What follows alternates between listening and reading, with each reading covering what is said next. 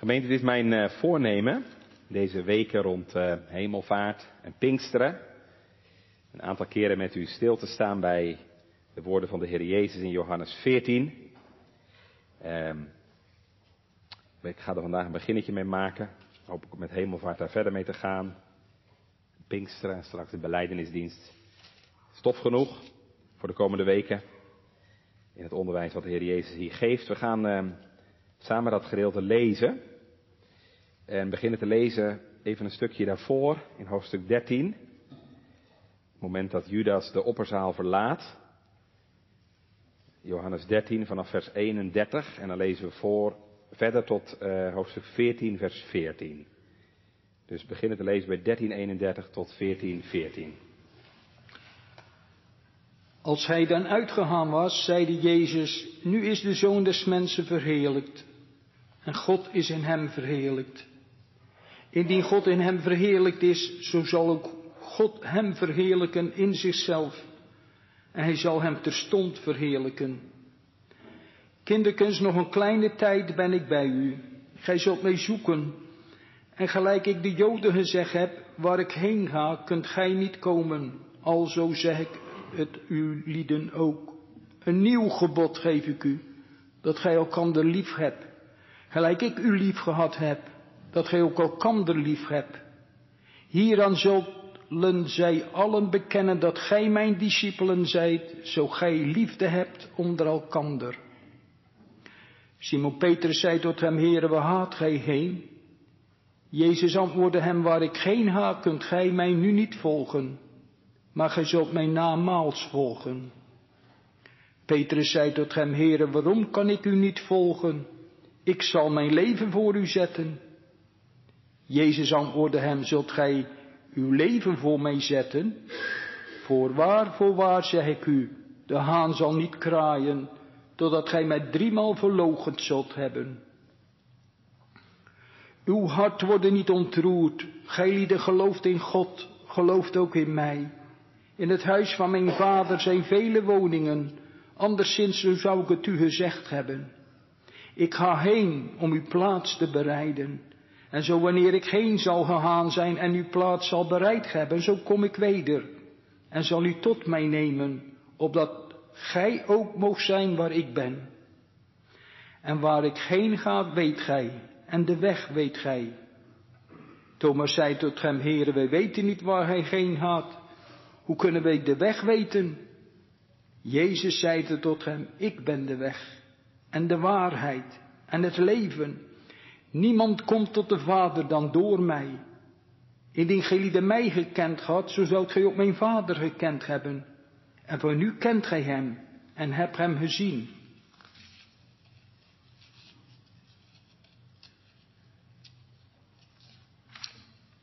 Filippus zei tot hem, Heere, toon ons de Vader en het is ons genoeg.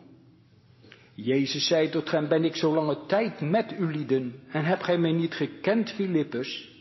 Die mij gezien heeft, die heeft de Vader gezien. Hoe zegt gij, toon ons de Vader? Geloof gij niet dat ik in de Vader ben en de Vader in mij is? De woorden die ik tot u lieden spreek, spreek ik van mijzelf niet, maar de Vader die in mij blijft, doet dezelfde werken. Geloof mij dat ik in de Vader ben en de Vader in mij is, en indien niet, zo geloof mij om de werken zelf. Voorwaar, voorwaar zeg ik u lieden die in mij gelooft, de werken die ik doe, zal hij ook doen, en zal meerdere doen dan deze, want ik ga heen tot mijn Vader. En zo wat gij begeren zult in mijn naam, dat zal ik doen, opdat de Vader in de Zoon verheerlijkt wordt. Zo gij iets begeren zult in mijn naam, ik zal het doen.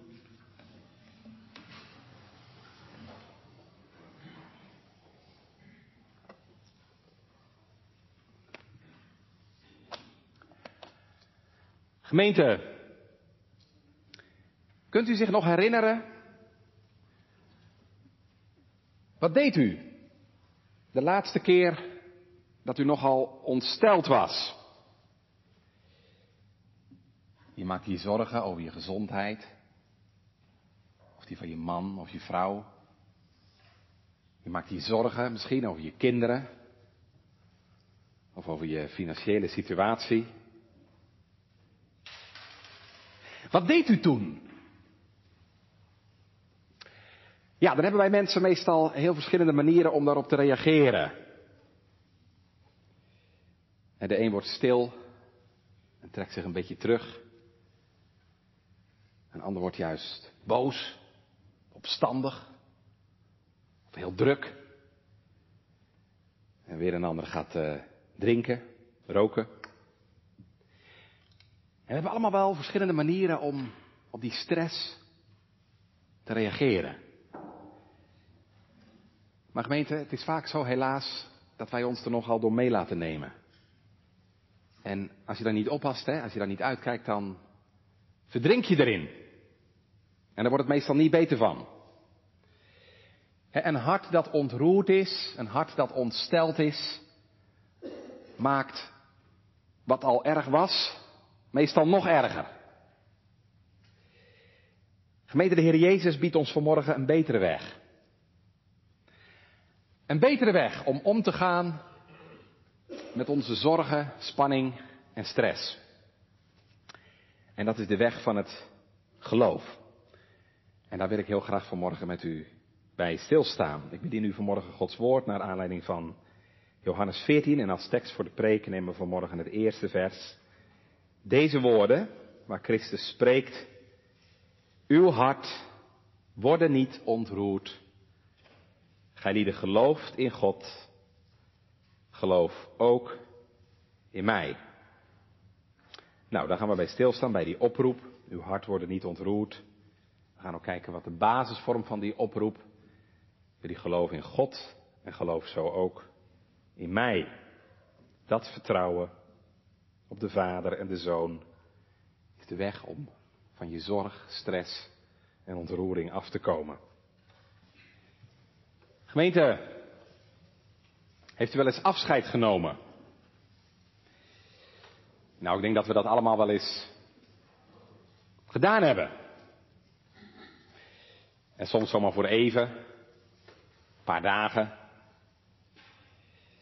Of uh, de zomervakantie, misschien een paar weken.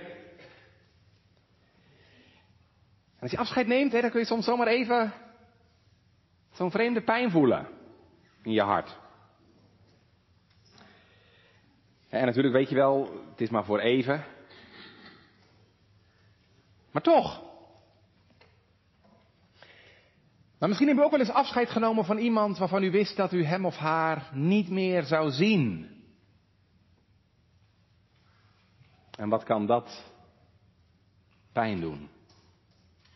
En verschillende van ons vanmorgen weten heel goed wat het is. Dat recent nog meegemaakt. Wat kan dat pijn doen? Dat iemand is van wie je heel veel houdt. Nou gemeente, dan kunnen we ons een beetje voorstellen wat de discipelen gevoeld moeten hebben. Toen Jezus zei dat hij van hen wegging, dat hij afscheid van hen ging nemen. En gemeente, zeg maar gerust. En wij zien afscheid soms aankomen hè, als iemand een lang ziekbed heeft. Maar dit afscheid komt voor hen echt als een donderslag bij heldere hemel. Want, ga even mee naar die opperzaal in Jeruzalem. Daar hebben we er net een stukje van gelezen. Ik denk als je daar binnenloopt, dat je het gelijk zou voelen. Hè. Er hangt zo'n vreemde, gespannen, gedrukte stemming. De discipelen zijn geschokt en verward.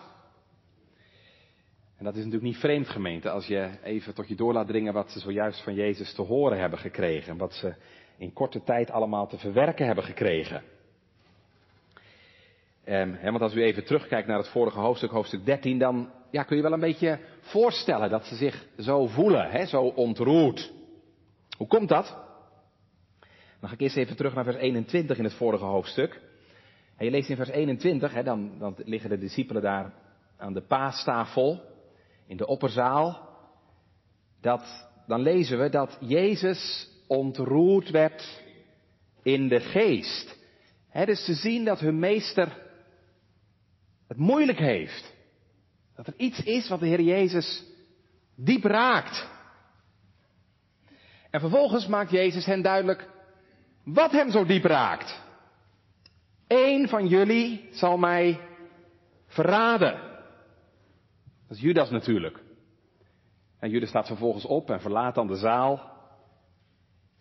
En als Judas dan weg is, dan komt Jezus met een volgend ontstellend bericht. Een tweede ontstellend bericht al. Hè, want hij zegt in vers 33 dat hij afscheid van hen gaat nemen. Kinderkens, nog een kleine tijd, nog een klein poosje ben ik bij jullie. En jullie zullen mij zoeken. Maar waar ik heen ga, kunnen jullie niet komen. En dan vraagt Petrus, maar heren, waar gaat u daar naartoe?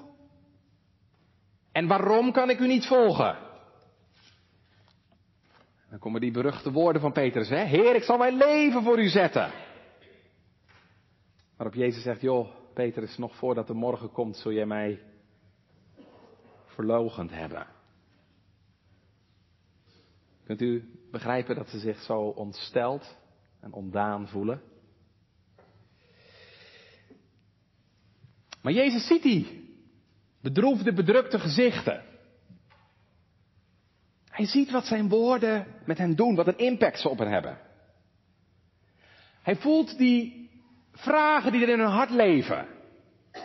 En waarom gaat u dan weg? En waarom kunnen we dan niet volgen? En, en wat betekent dat dan voor ons, voor onze toekomst? Wat, wat moeten wij dan? En moeten we dan weer terug naar ons oude leven? Moeten we dan weer gaan vissen? Hè? Net zoals voordat Jezus hen riep. Gemeente, in één klap valt hun droom in scherven.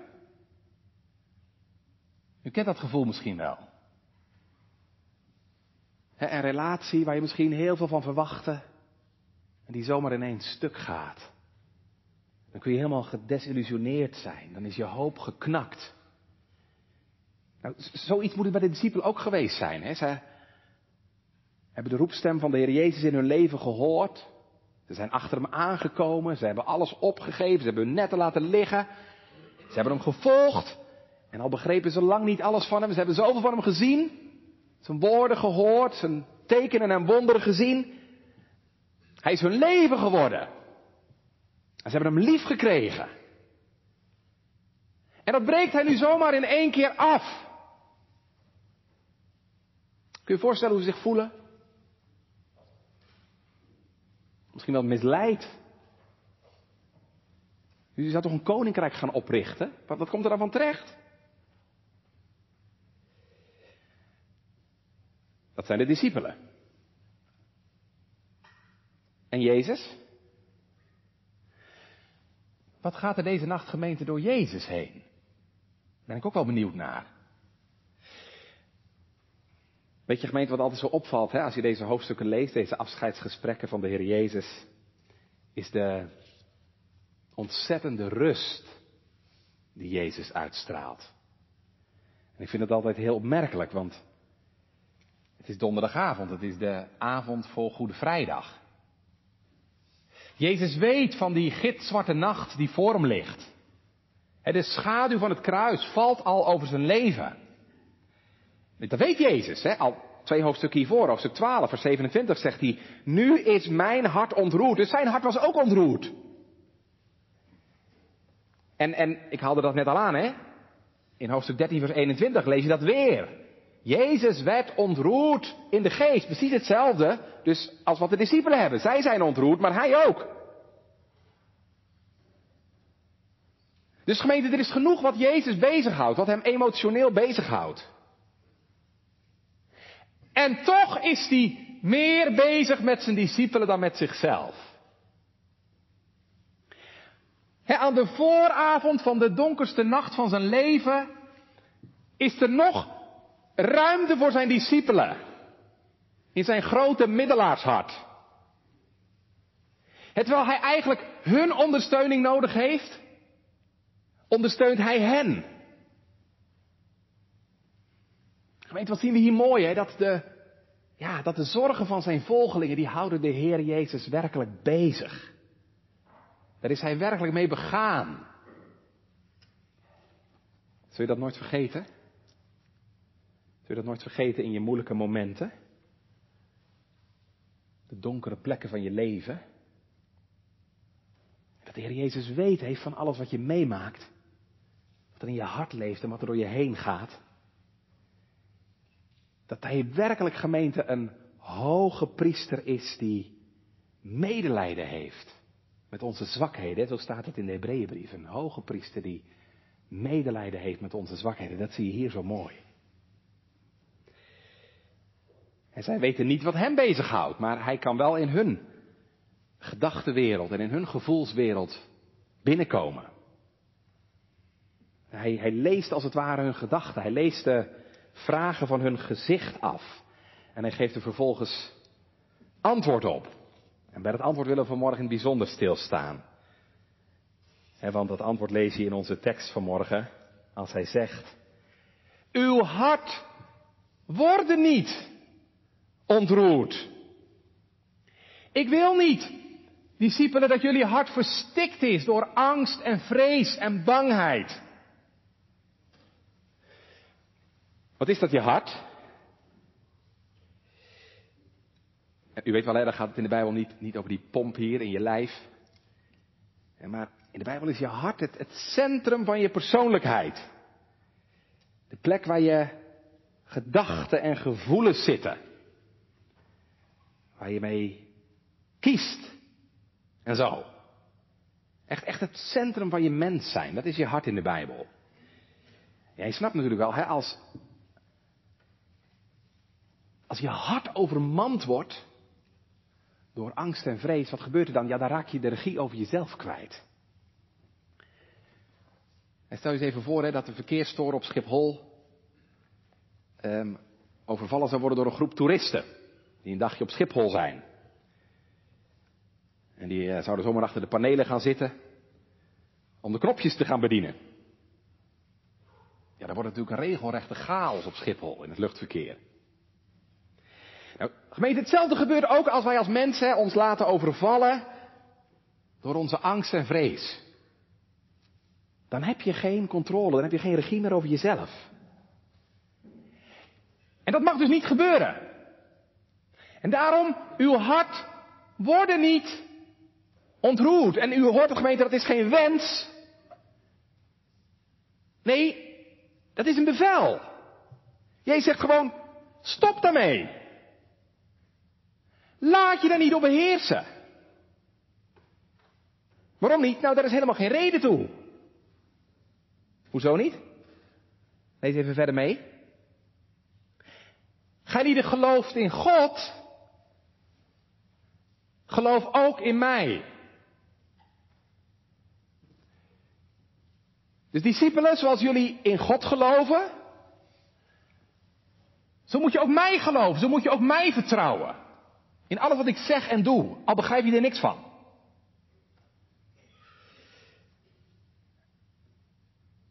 En u hoort gemeente, er zit natuurlijk een, een vergelijking in, hè? Zoals je in God gelooft, zo moet je ook in mij geloven. En dat roept natuurlijk de vraag op waarom. Waarom moeten de discipelen voortaan, net zoals ze in God geloven, ook in Jezus nu geloven? Nou gemeente, dat heeft er alles mee te maken met wie Jezus is en wat hij gaat doen. Wat gaat hij doen? Dat weet u wel, morgen is het Goede Vrijdag. Over een paar dagen is het Pasen. Jezus gaat sterven en opstaan en straks verheerlijkt worden aan de rechterhand van de Vader. En gemeente, daarmee komt het grote heilsplan van God tot vervulling. En Jezus is degene die dat gaat doen. Je zou kunnen zeggen, hij, hij is de spil daarvan. Hij is de spil in dat heilsplan van God. Hij is degene die in gehoorzaamheid aan de Vader de raad en wil van de Vader gaat volvoeren. En hoe komt dat? Hoe kan hij dat doen? Hoe kan hij degene zijn die dat helsplan van God tot vervulling gaat brengen? Ja, dat komt natuurlijk gemeente omdat hij de zoon van God is. Omdat hij de zoon van God is. Hè, die één is met de Vader. En daarom moeten de discipelen, net zoals ze in de Vader geloven, voortaan ook in Jezus geloven. Want Jezus is niet minder dan de Vader. Jezus is één met de Vader. En dat is heel, heel cruciaal in dit gedeelte. Ik ga, we gaan er zo even naar kijken. Hè, maar ik, noem dat alvast even. Hè, maar dat is heel belangrijk dat je ziet hè, dat Jezus hier zich op één lijn stelt met de Vader. En daarom zegt hij, moeten jullie ook in mij geloven. Moet je ook mij vertrouwen. Want ik ben gelijk aan de Vader. Kijkt u maar even mee. Je moet even kijken wat hij zegt hè, in vers 10. Ik stip dat nu alleen maar even aan, maar om het even te onderbouwen. En vers 10. Ehm, de woorden die ik tot u spreek, spreek ik van mijzelf niet. Maar de Vader die in mij blijft, die doet de werken. Geloof mij dat ik in de Vader ben en de Vader in mij is. Nou, je hoort het, hè? Jezus en de Vader, die, die kun je niet losmaken. Door Jezus zie je wie de Vader is en wat de Vader wil en wat de Vader bedoelt. Jezus zegt zelfs in vers 10, hè, dat de Vader in hem is. Dus de Heer Jezus gemeente is niet alleen maar een gezant van God de Vader, dat is hij natuurlijk ook. Maar meer nog, hij zegt de Vader is zelf in mij. He, zo intiem, zo intiem is de band tussen de Vader en de Zoon, dat Jezus kan zeggen dat ik in de Vader ben en de Vader in mij is.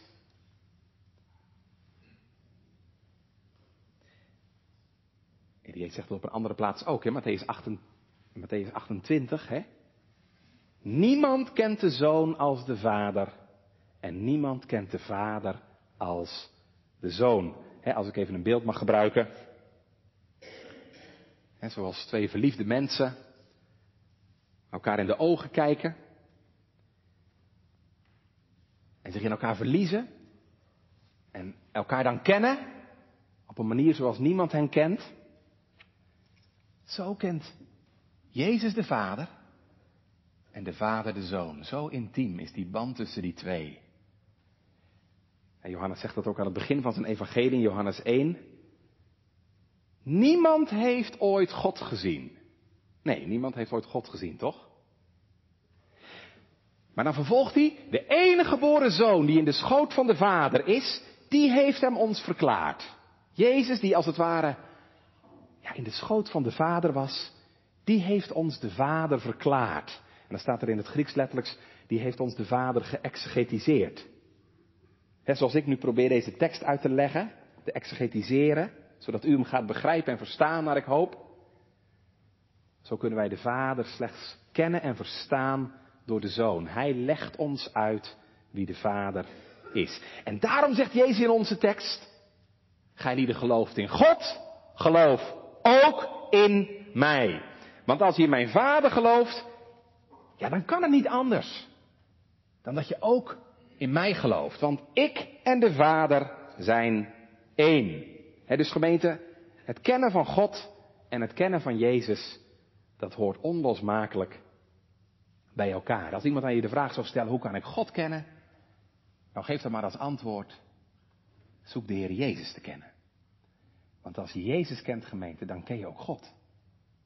Dat zegt Jezus ook zelf, hè? Niemand komt tot de Vader, zo staat het ook in vers 6, meen ik. Niemand komt tot de Vader dan door mij. Dat is het eeuwige leven. Dat ze u kennen, de Vader, en Jezus Christus, die gij gezonden hebt. Dat volgt in één adem.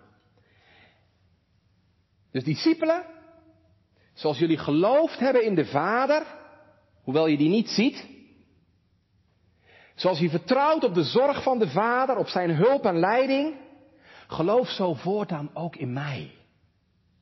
En ook als ik er straks niet meer ben, ook als jullie mij straks niet meer zullen zien, dan ben ik toch nog steeds dezelfde. En gemeente, dat geldt voor ons ook.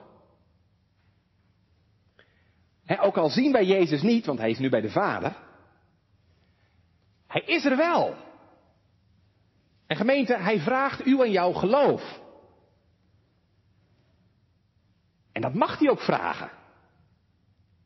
Ik bedoel, ik zou zeggen, hoeveel, ja, hoeveel meer reden dan de discipelen hebben wij wel niet om de Heer Jezus te vertrouwen? De discipelen stonden er nog voor. Het moest nog Pasen worden. Maar wij staan erachter.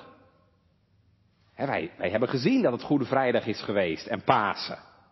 En wij hebben gezien hoe de Heer Jezus de opdracht van de Vader volkomen vervuld heeft.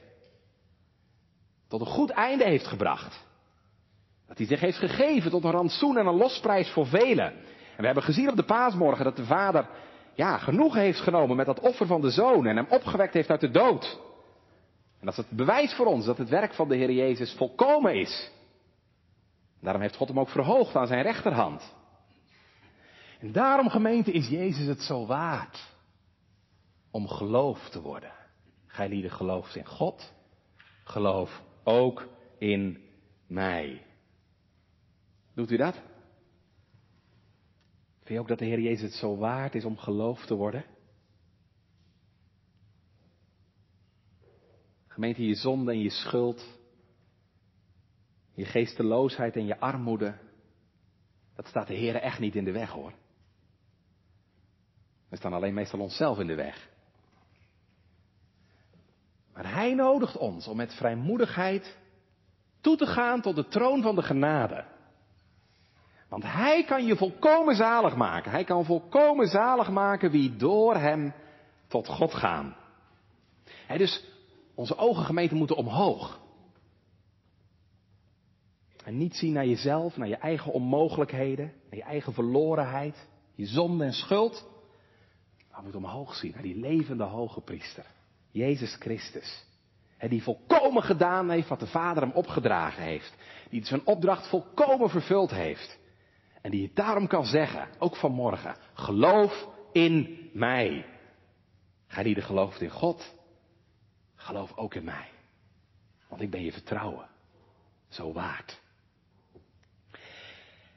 En gemeente, dat,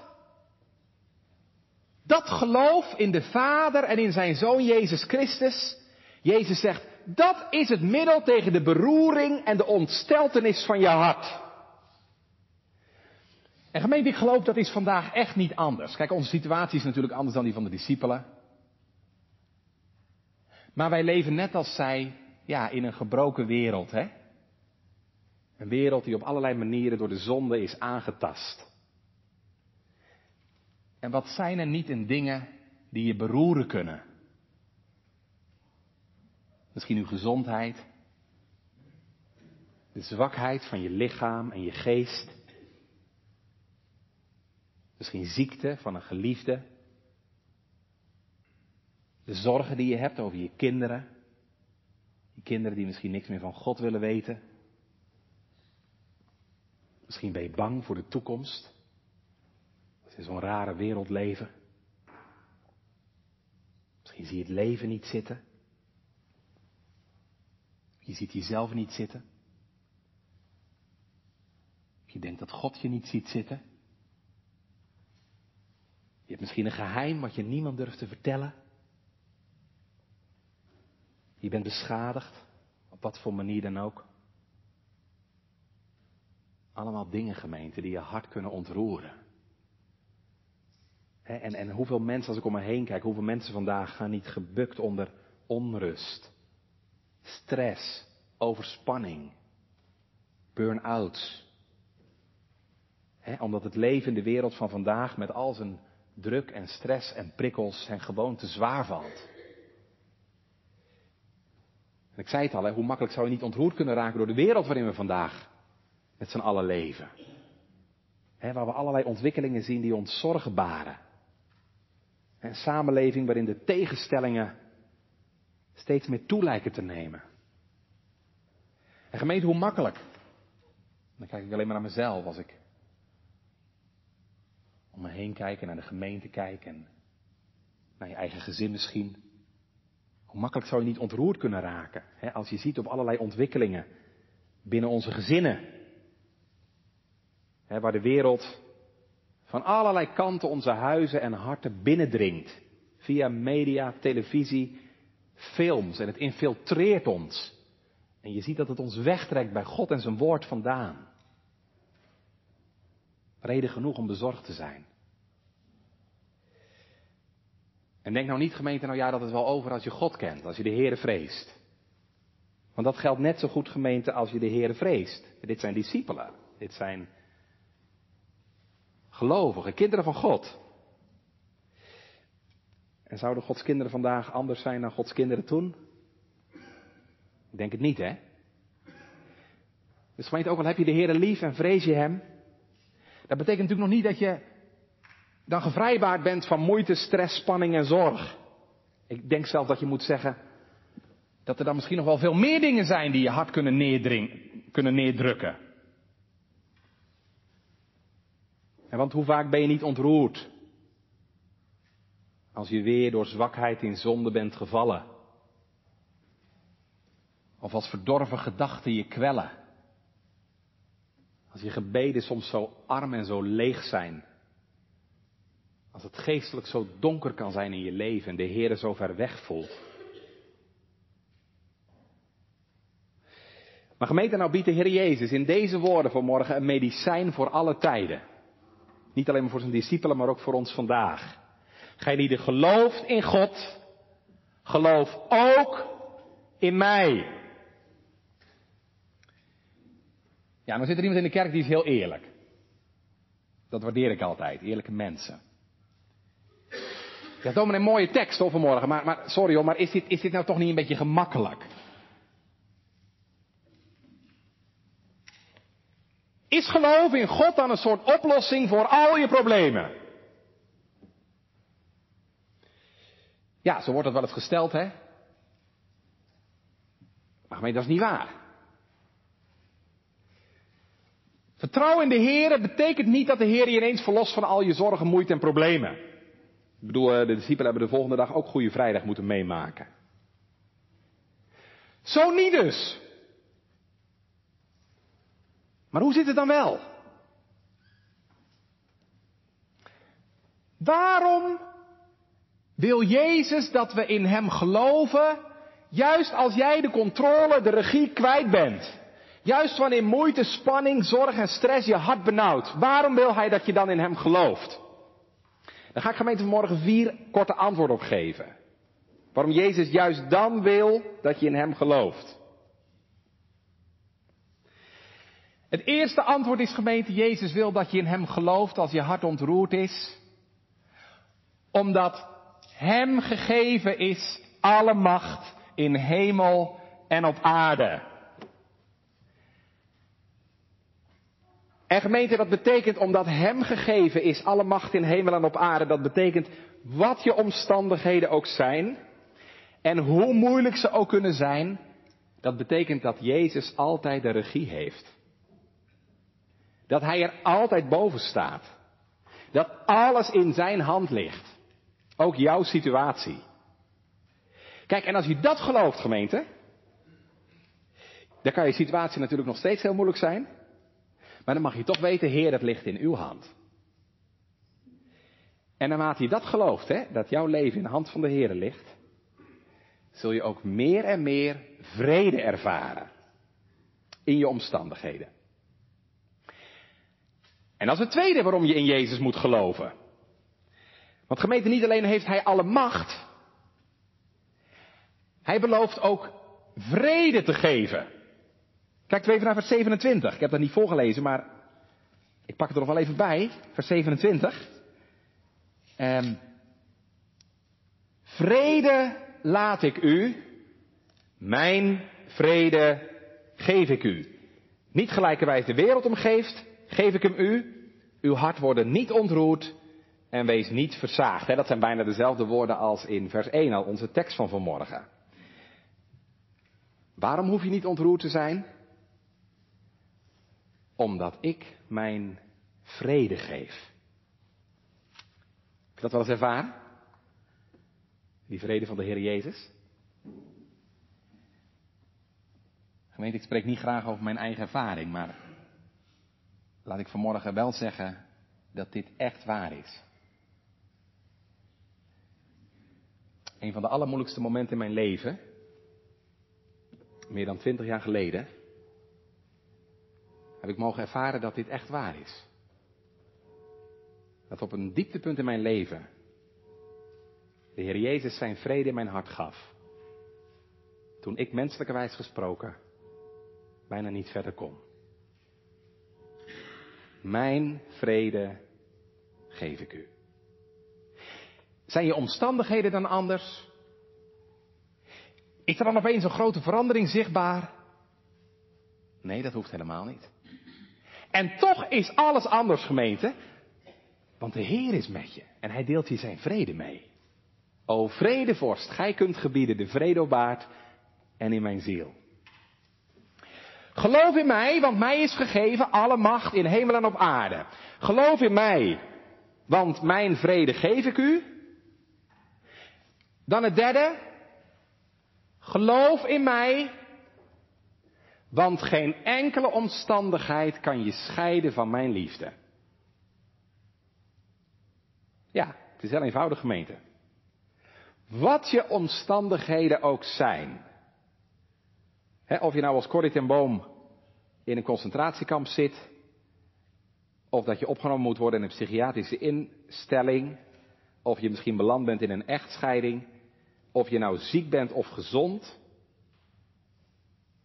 Er is niets, hoe moeilijk het ook is, wat een christen, een kind van God, kan scheiden van de liefde van God. Niets kan ons scheiden van de liefde van God in Christus Jezus, onze Heer. Nee, betekent niet dat je dat altijd zo ervaart. De gevoelige ervaring van die liefde kan vaak weg zijn. Maar dan nog blijft het staan, niets kan ons scheiden van de liefde van God in Christus Jezus, onze Heer. Want de liefde van God is een eeuwige liefde. Dat is een onveranderlijke liefde. En dat is een liefde gemeente die dus niet verandert door de omstandigheden. De Heer zegt, ik heb u lief gehad met een eeuwige liefde. Dan hebben we er al drie, hè? Geloof in mij, want mij is gegeven alle macht in hemel en op aarde. Geloof in mij, want mijn vrede geef ik u. Geloof in mij, want niets kan je scheiden van mijn liefde. En dan het laatste. Geloof in mij, want ik doe alle dingen in je leven meewerken ten goede. En wij weten dat degenen die God lief hebben, alle dingen medewerken ten goede, namelijk degenen die naar zijn voornemen geroepen zijn. Nee, er staat niet in de Bijbel dat degenen die God lief hebben alle dingen begrijpen. Maar er staat wel dat de Heer belooft dat Hij alle dingen in je leven doet meewerken ten goede. En gemeente, bij die alle dingen horen heel nadrukkelijk ook alle beproevingen, moeite en het lijden van deze tegenwoordige tijd bij. Op, op een of andere, voor ons onbevattelijke manier, weet God het lijden en de beproevingen in het leven van zijn kinderen zo te gebruiken dat het hen ten goede dient. Het is juist datgene wat wij het liefst niet zouden willen. die eenzaamheid, die ziekte, dat psychische lijden, die tegenslagen, handicaps, noem maar op. Juist die dingen gebruikt de Heer om je te vormen naar het beeld van zijn zoon. En daarom zegt Jezus, uw hart wordt niet ontroerd. Gij die de gelooft in God, geloof ook in mij. Want mij is gegeven alle macht in hemel en op aarde. Want ik geef u vrede. En niets kan u scheiden van mijn liefde. En ik doe alle dingen meewerken ten goede. Dus wat zie je gemeente? Moeite en beproevingen. Juist de dingen die wij graag liever niet willen in ons leven. Die zijn dus nuttig. Dus ja, wat wij moeilijk vinden en wat ons ontroert, dat is juist datgene wat we vaak gemeente zonder dat we het weten en zonder dat we het doorhebben nodig hebben. Discipelen zijn ontroerd omdat Jezus weggaat. Ze snappen niet wat het nut daarvan is. Maar dat gaan ze straks wel begrijpen. want Jezus zegt, het is nuttig voor u dat ik heen ga, anders kan de Heilige Geest niet komen. Het is wat voor hen juist als een verlies, als een tegenslag voelt, dat gebruikt God nou juist ten goede. En zo is het heel vaak in het leven, gemeente. Juist datgene wat wij moeilijk vinden, waar je hart van ontroerd is, is juist datgene wat we vaak juist nodig hebben. En Spurgeon zegt, zonder beproeving, waar zou de ervaring zijn? En zonder de ervaring, waar zou de groei in het geloof zijn? En toch willen wij er vaak het liefst zo snel mogelijk vanaf. Want we zijn zo snel en zo vaak in de war. En we vergeten wie de God en Vader van onze Heer Jezus Christus is. Hij die zijn eigen zoon gegeven heeft. En van wie geschreven staat, hoe zal hij ons met hem niet alle dingen schenken? Gemeente, dat zou toch genoeg moeten zijn als de Heer dat nou zegt? Dat hij alle dingen doet meewerken ten goede. En dat hij ons alle dingen zal schenken die we nodig hebben. Dan zou dat toch genoeg moeten zijn? Als je de Heer vreest, gemeente, dan heb je een Vader in de hemel die voor je zorgt.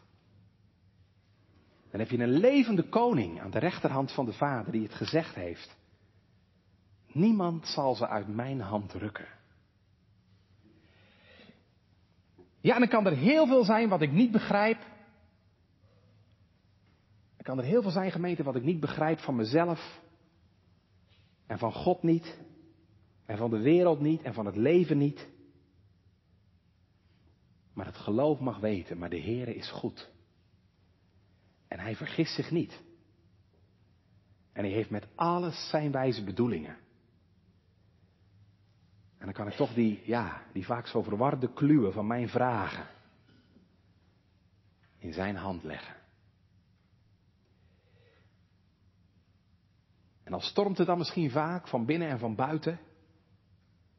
En dan kun je toch ervaren, ik ga straks het Wilhelmus zingen, maar dan moet ik even denken aan die andere spreuk van Willem van Oranje. Hè? Dan kun je toch ervaren wat Willem van Oranje gezegd heeft. Rustig te midden van de woedende golven. Dat is het geheim van het geloof, gemeente. Rustig te midden van de woedende golven. Ja, dan ken je natuurlijk een geheim. Welk geheim is dat? Dat je in je diepste twijfel en aanvechting toch je sterkte vindt in de Heer. Ik moet even denken aan David. u kent die geschiedenis wel, hè? Als op een gegeven moment uh, Ziklag verwoest is.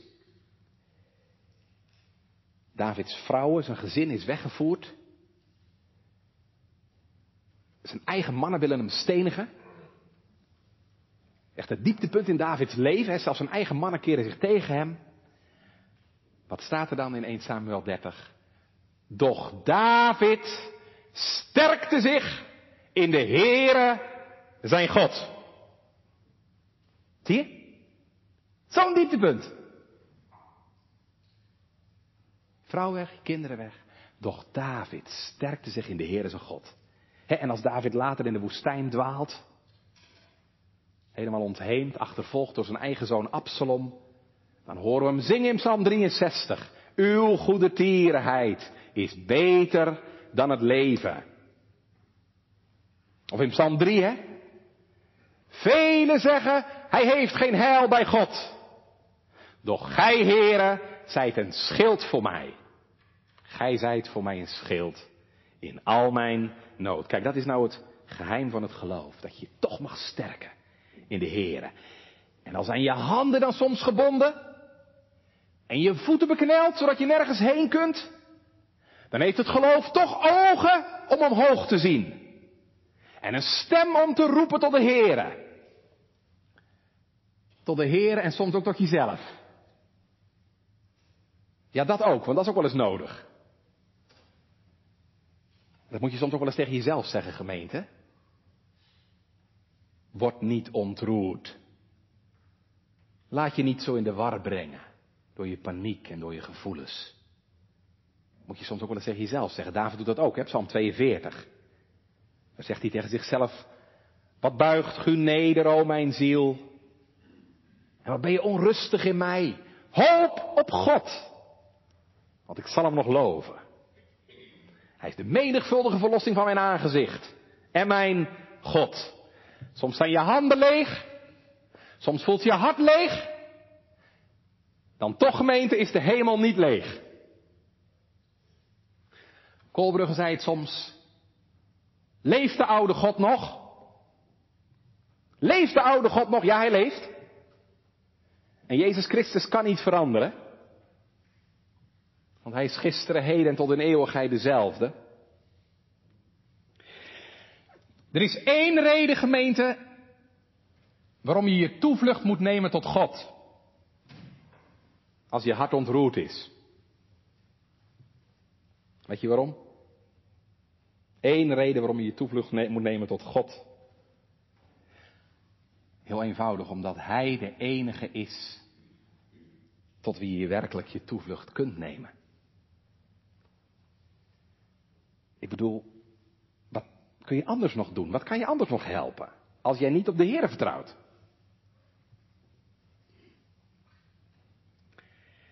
Nee, God heeft nergens beloofd dat je hart niet ontroerd zal worden. Maar de Heer heeft wel beloofd dat Hij in de benauwdheid bij ons wil zijn. Christus neemt het kruis niet van ons,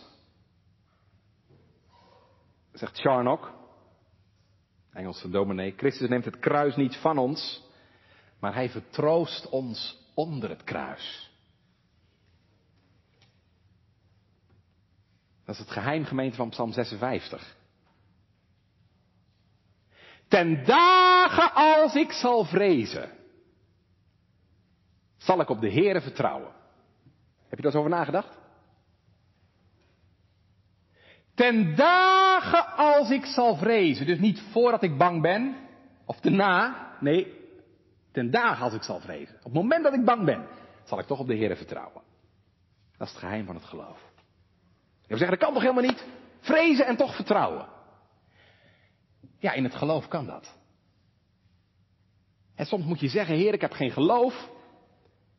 Ik heb geen moed. Maar ik heb wel u.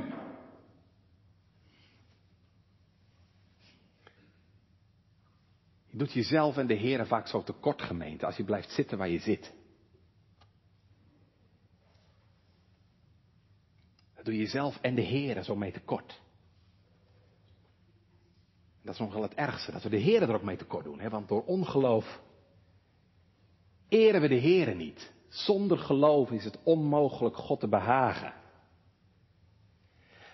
Laat het dan een klein geloof zijn. Laat het misschien een zwak geloof zijn of een bevend geloof. Als je maar gelooft.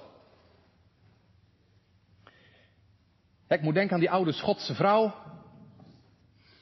Die zei, ik sta vaak te beven op de rots. Maar de rots onder mij beeft nooit. Nou, dan is het toch niet erg. Laat mij dan maar een beetje beven. Als de rots onder mij maar niet beeft. En die rots beeft nooit gemeente. Want die heeft het gezegd, ik zal u niet begeven en ik zal u niet verlaten. Zodat we vrijmoedig mogen zeggen, de Heere is mij een helper. Ja, maar zeg je vanmorgen, dominee, dat is mooi, maar dan moet je wel de Heere vrezen. Dan moet je wel de Heere vrezen. En de Heer Jezus zegt het tegen zijn discipelen. Maar dat ben ik niet. Nou, dan heb je de Heer nog meer nodig, zou ik zeggen. Want als jij de Heer Jezus nog niet kent, waar moet je dan mee met je zorgen en vragen? Dan heb je ten diepste helemaal geen uitweg uit je zorgen en vragen. Maar weet je wat de Heer Jezus zegt? Hij zegt, komt allen tot mij, die vermoeid en belast bent. En ik zal u rust geven. En als je dat bent, vermoeid en belast, vanwege jezelf en je zorgen en je ongeloof en je twijfels, dan mag je naar de Heer Jezus toe. Die heelt gebrokenen van harte. En ik kan je zeggen, dat is zijn liefste werk. Dat is de opdracht die hij van zijn vader ontvangen heeft. Want hij zegt het in het volgende vers, in het huis van mijn vader zijn vele woningen. En gemeente, ik mag u zeggen, die zijn nog niet vol. Die zijn nog niet vol. Wie zou dat willen? Wie zou dat willen om daar te zijn waar Christus is? Want dat is de hemel, hè? Is dat je diepste verlangen geworden? Om van Christus te zijn en bij Christus te zijn. Bij Hem te mogen horen. Er is nog plaats. Het huis van mijn vader zijn vele woningen. Hoe kom ik daar dan? Dat vraagt Filippus ook zo meteen. Hoe kom ik daar dan? Hoe kunnen wij de weg weten? Wat zegt Jezus dan? Ik ben de weg. Ik ben de weg. Geloof in God. Geloof ook in mij. Zie je het? Ga eindigen. Gemeente, er is eigenlijk maar één reden dat uw hart niet ontroerd hoeft te zijn. En dat is omdat Jezus voor ons ontroerd is geweest. We hebben net gelezen. Zijn hart werd ontroerd. Vanwege dat grote lijden en vanwege die drinkbeker die hij drinken moest. Werd zijn hart ontroerd. Kijk, de reden dat wij niet ontroerd hoeven te zijn, dat wij niet ontsteld hoeven te zijn, is dat Hij voor ons in de benauwdheid is geweest. En toen gemeente heeft Hij al de zorgen van al zijn kinderen op zijn eigen rug gelegd. En daarom kan hij het zeggen. Uw hart worden niet ontroerd. Gij lieden gelooft in God, geloof ook in mij. Een oude mevrouw lag op sterven. Het was heel rustig. Haar dominee zei tegen haar: Het valt me op dat u zo rustig bent in zoveel dingen. Waarop ze antwoordde: Dominee, toen ik nog een meisje was, toen was er een oude predikant die mij vertelde waarom hij elke nacht zo rustig sliep. Hij vertelde mij het geheim waarom hij elke nacht zo rustig sliep. Hij zei, mijn hoofd ligt op drie kussens. Gods genade, Gods kracht en Gods wijsheid.